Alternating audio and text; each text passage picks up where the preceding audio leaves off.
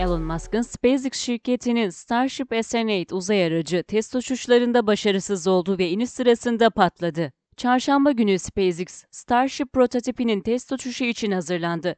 Starship SN8 uzay aracı, Teksas'taki roket tesisinden fırlatılmasının ardından iniş yapmaya çalışırken patladı.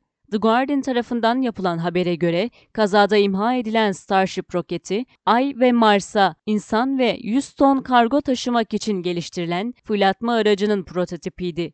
6,5 dakikalık test başarısızlıkla sonuçlanmasına rağmen Elon Musk, sosyal medya hesabından Mars'a geliyoruz ifadeleriyle paylaşım yaptı. SpaceX salı günü Starship'i başlatmak için ilk denemeyi başlatmıştı ama Raptor motorlarındaki sorun yüzünden otomatik olarak kalkışın iptal edilmesine sebep oldu. Şirket o anları SpaceX resmi Twitter hesabı üzerinden paylaştı.